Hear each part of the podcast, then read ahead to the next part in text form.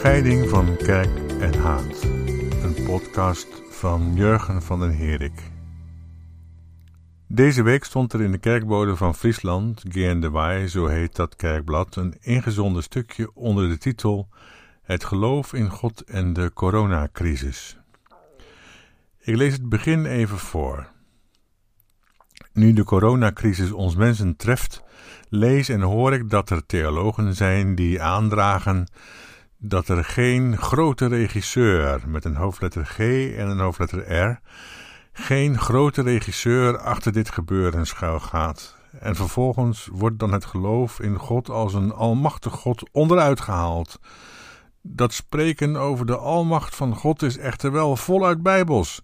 Zo gaat de schrijver van het ingezonden dan verder. En lees dat bijvoorbeeld in Matthäus 28, vers 18, waarin een vertaling van het NBV staat: Mij is alle macht gegeven in de hemel en op aarde. Dit zei Jezus nadat hij uit de dood is opgestaan, over macht gesproken. Tot zover maar even dit ingezonden stukje. Tja, akelige lieden toch, die theologen. Ik bedoel dat ze zo onbijbels te werk gaan. Nu is dit een klassiek voorbeeld, lijkt mij, van iemand die krasse stellingen inneemt. Theologen zijn onbijbels bezig, mag toch kras worden genoemd. En die zich daarbij baseert op vertalingen en dan meent te begrijpen waar de Bijbel over spreekt, omdat de vertaling zo gewoon en zo begrijpelijk is. Eerst maar even dat vers van Matthäus, Daarna iets over Bijbel vertalen en dan met name over het bedrijfsongeval dat heeft plaatsgevonden bij een van de eerste vertalingen van de Hebreeuwse Bijbel in de oudheid. Waar komt het begrip almacht vandaan? Daar zullen we het vervolgens over hebben. En waarom hebben sommigen daar zo'n behoefte aan? En tot slot is er nog een alternatief denkbaar voor zo'n begrip als almacht. Nu, eerst maar die tekst die door de schrijver van het ingezonden stukje wordt aangehaald. Het is wel begrijpelijk waarom, niet waar? Even verderop, trouwens, schrijft de inzender nog dat Jezus dit heeft gezegd nadat hij is opgestaan en voegt dan veel betekenend toe over macht gesproken. Voor het laatste verwijs ik naar een eerdere podcastaflevering, waar ik duidelijk heb gemaakt dat de Bijbelschrijvers heel genuanceerd met de taal omgaan en allemaal van Jezus bij het graf zeggen: Hij is hier niet, hij is opgewekt. En opgewekt worden is niet hetzelfde als opstaan. Moderne Bijbelvertalingen, ook de NBV, gooien het allemaal op één hoop en laten de boodschappers bij het graf zeggen: Hij is hier niet, hij is opgestaan. Daarmee sluiten ze aan bij wat de gemiddelde dominee in de kerk roept op paasmorgen: De Heer is waarlijk opgestaan. Hoe begrijpelijk ook en hoezeer inmiddels traditie, het is en blijft toch een onjuiste vertaling van het Grieks. Opgewekt worden, zoals er in het Grieks staat, is iets dat aan je gebeurt. En opstaan is iets dat je zelf doet op eigen kracht. Nou goed, dat laten we nu verder rusten. Dan maar die uitspraak van Jezus in zijn opstandingsgedaante, zeg maar. Mij is gegeven alle macht in de hemel en op de aarde. Waar is dat de vertaling van? In het Grieks staat daar het woord exousia. Maar betekent exousia macht of almacht? Het Griekse woord exousia komt 102 keer voor in het Nieuw Testament. Dat is erg veel en dat is dus gunstig want er zijn er veel plaatsen waar je het woord kunt bekijken om te zien wat voor betekenis zo'n woord heeft. Over het algemeen komen de woorden in het Griekse Nieuwe Testament niet zomaar uit de lucht vallen. En zijn ze overgenomen uit de seculiere Griekse samenleving, inclusief de betekenis die het woord daar heeft. Dus als je aan een Griek op straat zou hebben gevraagd: Meneer, mag ik u wat vragen? Wat is exousia? dan zou hij bijvoorbeeld kunnen zeggen: Nou, hier, kijk, hier heb je mijn buideltje met geld.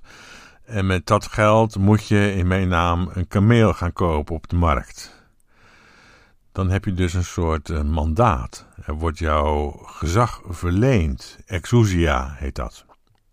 Exousia is dus geen krachtpatserij, maar is iets als verleende autoriteit.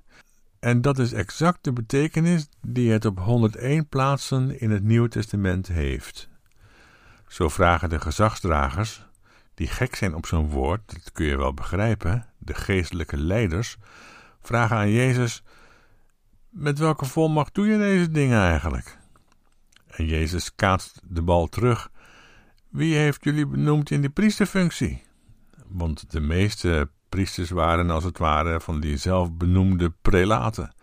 Er komt nog wel voor dat iemand met een vlotte babbel een gemeente sticht en zichzelf tot leider of voorganger bombardeert. Nou, dat wilden ze natuurlijk niet zeggen. Nou, dan zeg ik ook niet krachtens welke volmacht ik deze dingen doe. Eh, exousia is dus volmacht of autoriteit of verleend gezag. Dat is uiteraard niet zoiets als macht of almacht.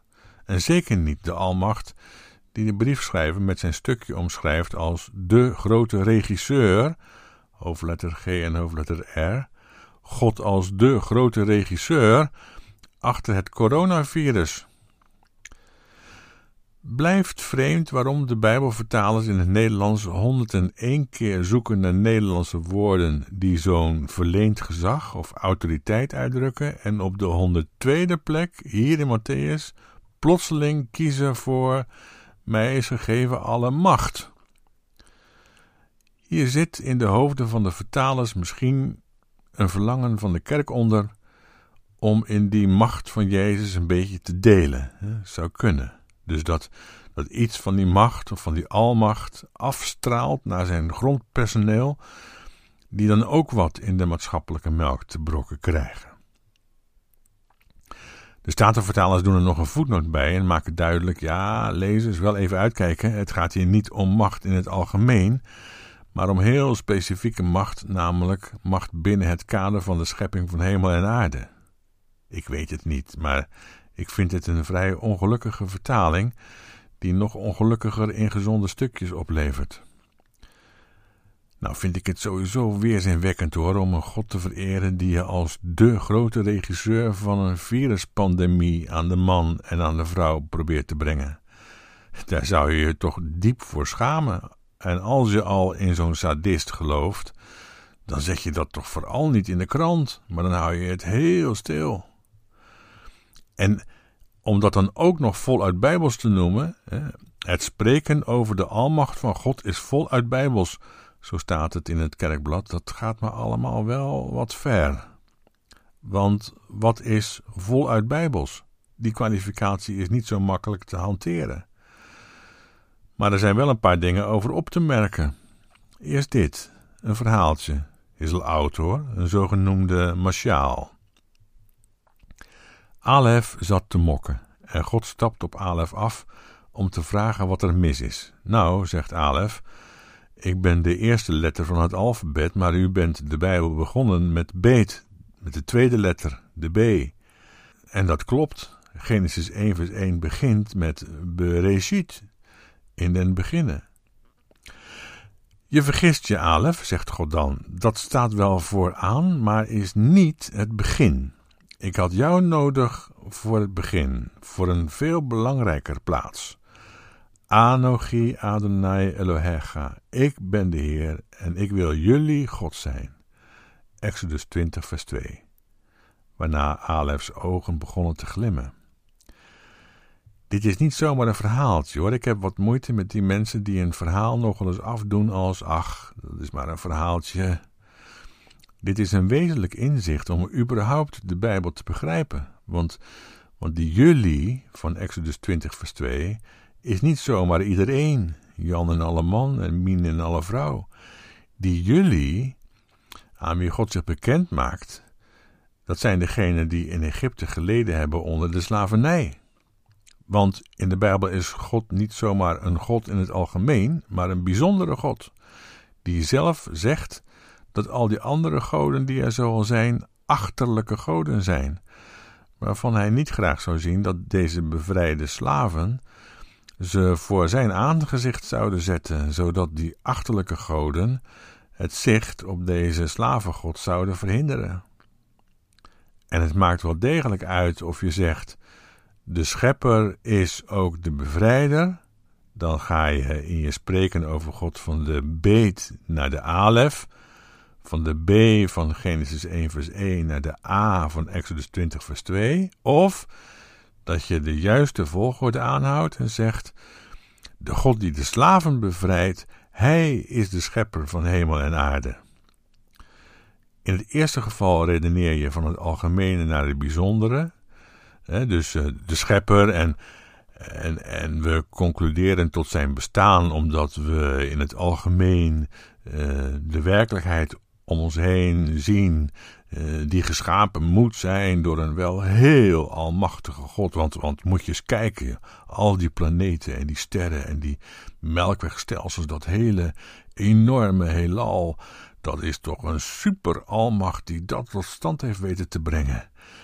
Dus de, dus de schepper doet behalve dat alles um, ondertussen ook nog het bevrijden van enkele slaven. Of dat je omgekeerd denkt van het bijzondere naar het algemene, wat in de theologie pars pro toto heet, de bevrijder, de slavengod, is de schepper van hemel en aarde. Aan het einde van deze podcast kom ik hierop terug als ik een alternatief zoek voor het begrip almacht, wat ik een onbijbels begrip acht. En dat als eigenschap meer zegt over de God Zeus dan over Adonai, de Heer, de God van Exodus. Die omkeringen zijn altijd van belang en nooit onschuldig. Ik was laatst in een kerkdienst waar de dominee het had over God onze Heer. Zo begon hij de dienst. In naam van God onze Heer. Hij zal het wel niet kwaad bedoeld hebben, maar zo kan het natuurlijk niet. Niet een algemene almachtige God is onze Heer. Bovendien is dat woord ons mij ook veel te gemakkelijk, maar daar kom ik straks op terug. Het is in een christelijke liturgie niet de algemene godheid die zich gedraagt als de Heer. Nee, het is natuurlijk juist omgekeerd. Omgekeerd. Die bijzondere God, die we met de Joden aanduiden als Heer, uh, om zijn naam niet te hoeven uitspreken. Dus zoals de Joden voor de godsnaam een woord hebben gekozen dat er helemaal niets mee te maken heeft, Adonai, wat gewoon meneer betekent, en dat in het Nederlands wordt weergegeven door de Heere, met drie of vier E's, dat is allemaal hetzelfde. Ja, dus wie heeft ons bevrijd? Oh, dat heeft meneer gedaan. Wel nu, de omkeringen doen ertoe. En het is volgens mij dus bijbels, om niet te zeggen voluit bijbels, om te zeggen, die bijzondere Heer die uit slavernij bevrijdt, die is voor ons God. Die mag, wat ons betreft, die functie van God bekleden. De slavenbevrijder en niet de slavendrijver is voor ons God. Kunnen we er meer van zeggen? Jawel, en dan komen we bij een van de grootste bedrijfsongevallen uit de geschiedenis van het Bijbelvertalen. Ik neem u mee naar Bethlehem en daar ergens midden in dat dorpje woont een taalwetenschapper. Zijn naam is Hieronymus. Hieronymus van Stridon, een der grootste filologen van de oudheid. Hij is na veel omzwervingen in Bethlehem terechtgekomen en is daar gaan wonen samen met een aantal Bethlehemse dames, en heeft zich daar gewijd aan het vertalen van het Oude Testament in het Latijn. En dan op een begrijpelijke manier, dus Latijn voor gewone mensen, zeg maar, vulgair dus. Vandaar de naam van die vertaling Vulgata. Nou, als er één westeling verstand had van het Hebreeuws, dan wel Hieronymus, die aan het einde van de vierde eeuw en het begin van de vijfde in Bethlehem woonde en daar stierf, en daarom ook wel Hieronymus van Bethlehem heet. Op een gegeven moment kwam hij in het Hebreeuws een woord tegen waarvan hij moet hebben gedacht: dat leg ik maar even aan de kant, want ik heb geen idee wat ik daarmee moet. Hij wist wat er stond, uiteraard, maar dacht: ja, dit is zo gek. Hiermee kan ik niet bij mijn vrienden en vriendinnen in Rome aankomen. Die lachen me vierkant uit. Wat was er aan de hand? Het woord waar Hieronymus geen raad mee wist, is het Hebreeuwse woord Shaddai. Ik ben El Shaddai. Uh, komt op een aantal plaatsen voor in het Oude Testament. Uh, bij Abraham bijvoorbeeld, toen Abraham 99 jaar oud was, verscheen de Heer aan Abraham en zei tot hem: Ik ben God Shaddai, staat er dan in het Hebreeuws. Dus Genesis 17, vers 1, de eerste keer dat het woord in Genesis voorkomt. Het komt ook vaak voor in het boek Job, waar we het zo meteen over moeten hebben. El Shaddai en Hieronymus moet hebben gedacht: dan maar een noodoplossing. De mensen zullen niet begrijpen wat Shaddai betekent, en als ze het wel begrijpen, zullen ze het heel gek vinden. Dus dan maar een woord dat iedereen wel zo'n beetje uh, verstaat. Wat betekent Shaddai trouwens? Shaddai komt bijvoorbeeld voor in het boek Hooglied, Hooglied 1, vers 13. Mijn geliefde is mij een bundeltje mirre rustend tussen mijn borsten. Daar staat in het Hebreeuws dat woord Shaddai. Of in 4 vers 5 en verder. Uw beide borsten, daar heb je ook dat woord weer. Uw beide borsten zijn als tweelingjongen van gazellen die te midden van de leliën weiden. Tot de avondwind waait en de schaduwen vlieden, wil ik naar de Mirreberg gaan, naar de wierookheuvel. Alles is schoon aan u, mijn liefste, zonder enig gebrek zijt gij. Dat is mooie taal, hè? erotiekkaast. Dus u begrijpt dat wanneer God tegen Abraham zegt: Ik ben El Shaddai, dat Hieronymus heeft gedacht: Nou, mooi niet. Daar kies ik wel wat anders voor. Ik neem gewoon een heel ander woord en dat zet ik ervoor in de plaats. En welk woord heeft hij toen genomen? Helaas, moet je toch eigenlijk zeggen. Hij laat God zeggen: Ik ben God omnipotens. Daar heb je het. Omnipotent. Een krachtpatser, jongen. Een geweldenaar. Kan alles. Noem het. En ik kan het. Wat natuurlijk ook allerlei kwesties oplevert die aantonen dat het een onhoudbaar begrip is en dat wij in ons denken helemaal niets met dat begrip kunnen. Kan God bijvoorbeeld een zo zware steen maken dat hij die zelf niet meer kan optillen? En ook iemand als Epicurus houdt daar redeneringen op na die aantonen dat je met een begrip als almacht nergens komt, zeker niet in crisistijd zoals nu. Als God het goede wil, maar hij kan het niet, dan is hij een zwakkeling. Als God het goede kan, maar hij wil het niet, dan is hij een ellendeling. Als God het goede niet wil en niet kan, waarom zouden we hem dan nog God noemen? Als God het goede kan en hij wil het ook, waar komt dan het kwaad vandaan? Epicurus wilde God op een afstand houden, zoveel is wel duidelijk. Maar geldt dat behalve voor wel-te-do Griekse filosofen ook voor de slaven in die Pax Romana? In elk geval vind ik het ontzettend jammer dat we door die noodgreep van Hieronymus nu met zulke mannelijke, gespierde eigenschappen voor God omhoog zitten, zeg maar. Terwijl dat helemaal niet een adequate vertaling van het Hebreeuws is. Daar is God op veel plaatsen veel vrouwelijker. En gaat het over zijn baarmoeder bijvoorbeeld? Als het met zijn volk niet goed gaat, dan heeft God pijn in zijn, of moet ik zeggen haar, haar buik. Rechem staat er in het Hebreeuws. Ook in het Grieks van de Septuaginta, splanchnum. En dat betekent zowel in het Hebreeuws als in het Grieks baarmoeder of moederschoot. In het Nederlands kunt u dat absoluut niet meer terugvinden hoor, want overal waar rechem of meervoud miem staat, vindt u in het Nederlands een veel minder vrouwelijke uitdrukking, barmhartig. Dus een God die pijn in haar buik heeft, wordt in onze vertalingen een barmhartige God. Job dan, daar komt het woord Shaddai vrij veel voor. En het boek Job lijkt nog het meest te passen bij de aanklacht van het ingezonde stukje. Dat er namelijk theologen zijn die God niet willen zien als de grote regisseur die achter de coronapandemie uh, schuil gaat. Zo staat het letterlijk. Hè? Hij gaat erachter schuil. Zal zichzelf ook een beetje schamen misschien. Nou, in het boekje Job schaamt God zich helemaal niet. U kent misschien het verhaal. Er is eerst een soort keukentafelgesprekje met de duivel. Dat is alleen maar om het verhaal gaande te maken. En dan overkomt onze arme Job niets dan ellende. Nu moet je in Israël de eerste acht dagen je waffel houden, omdat alles wat je zegt na een ramp toch als een tang op een varken zal blijken te slaan. Dus na acht dagen mag je pas iets zeggen. En Job opent na acht dagen zijn mond en begint me daar toch een partij te vloeken, zeg.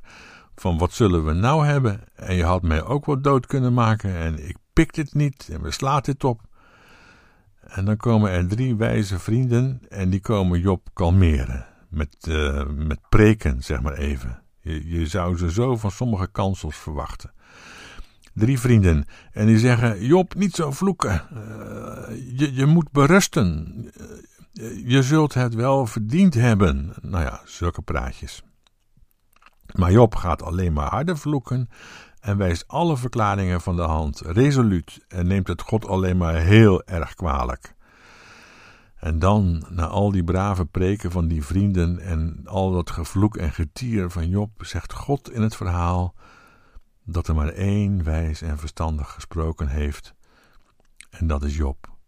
Een prachtig, ontroerend, aangrijpend verhaal, waar God een soort liefde opvat voor Job, die het gelukkig, alsof het voor God een opluchting zou zijn, niet accepteert, dit lijden, niet accepteert, ook niet van God. Dat is dus heel innig en nabij. Het zou dan ook heel vreemd zijn wanneer God vervolgens heel erg uit de hoogte zou gaan doen en tegen zijn vriend Job zou zeggen: Waar was jij eigenlijk, mannetje, klein klein kereltje? Waar was jij toen ik het nijlpaard schiep en de krokodil? Dan is het net of God Job een rondje mee door Artes neemt en zegt: Moet je nou eens kijken wat ik allemaal kan? Daar heb jij toch niet van terug, hoop ik. Maar God doet geen rondje dierentuin. Ook hier gaan wij als Bijbellezer weer op onze platte snuit door de rare vertalingen. Waar namelijk in uw Bijbeltje nijlpaard staat, daar staat in het Hebreeuws een woord dat met nijlpaarden niets te maken heeft, namelijk behemoot. En waar krokodil staat, daar staat in het Hebreeuws leviathan. Behemoot en leviathan, dat zijn niet nijlpaard en krokodil, dat zijn de oermonsters. Dat zijn de, de verschrikkingen waartegen de schepping van hemel en aarde zich te weer moet stellen. De machten van de duisternis, de mythische draken zijn het. En het lijkt me dus veel juister wat Chesterton over het boek Job schrijft. Die intimiteit van er is er één die wijs en verstandig van mij gesproken heeft en dat is mijn trouwe vriend Job. Die intimiteit moet je niet zomaar als een vuile jas uitdoen en weggooien, maar die moet je handhaven. En als je dat doet, dan hoor je God tegen Job zeggen: Job, vriend, wij zitten in hetzelfde schuitje. Toen jij er nog niet was, toen had ik ook al te kampen met de behemoot en de leviathan.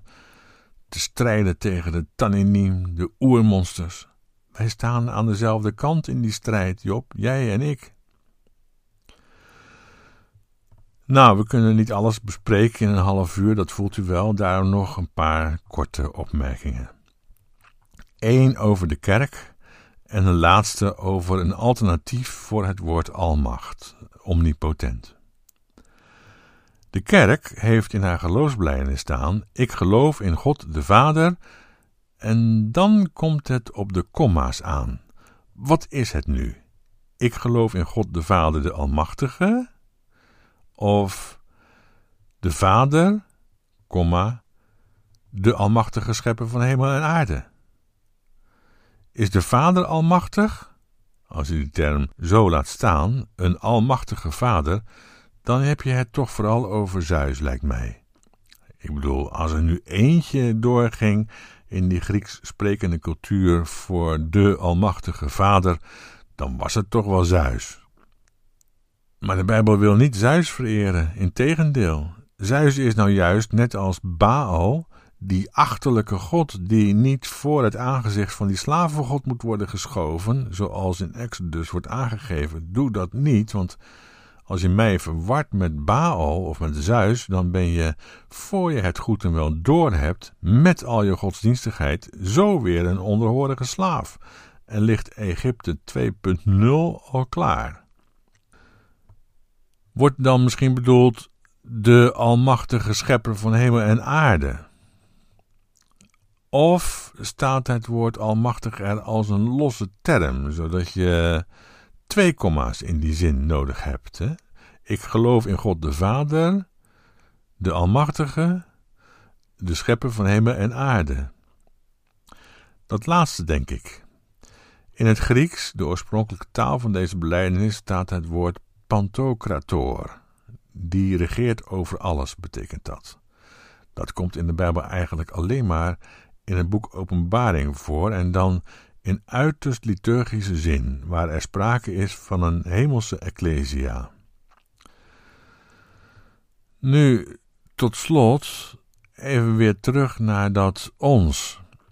Die predikant die de dienst begon met God onze Heer, wie zijn dat? Je kunt je voorstellen, althans ik zou het fijn vinden als jullie je dat zouden willen voorstellen, dat de slaven van hun Heer, Adonai, de God van Exodus, dat ze van hun Heer zouden zeggen: uh, De Heer heeft in zijn uh, bevrijdende liefde voor slachtoffers en slaven iets, uh, iets onweerstaanbaars. Niemand houdt hem tegen. En hij, die nu door de gevestigde machten en krachten met zijn vrouwelijke en moederlijke eigenschappen wordt aangezien als een zwakke God, een God van niks, van een volkje van niks, hij, hij zal zijn alles en in allen. En die goden en machten en krachten die al lang en breed alles en in allen zeggen te wezen, zullen het veld moeten ruimen. Dus als de slaven op de plantage zingen We shall overcome someday, dan is dat niet hetzelfde lied als wanneer hun slavendrijvers dat lied in de mond nemen. Dan eerst solidair worden met de slaven en dan mag je meezingen met hen, lijkt me, zoiets. Zo kun je je ook voorstellen dat de gemeente van Christus, die is gevormd rond degene die een slavendood stierf, de kruisiging was eh, bij uitstek slavendood, dat die gemeente van hem zegt dat hij exousia bezit, de gevolmachtigde is, de gevolmachtigde van de God van Exodus. Maar niet van Zeus natuurlijk. Zeus, Zeus denkt in almacht en potentie. En de God van de Bijbel wordt geschilderd in kleuren die veel meer doen denken aan moederschap en vrouwelijkheid en als zodanig onweerstaanbaar. Niet alles wat er gebeurt is Gods wil. Wat God wil gebeurt. Onweerstaanbaar. Een betere alternatief lijkt mij voor het al te mannelijke begrip almacht. Wel, bedankt voor het luisteren en tot volgende week zaterdag.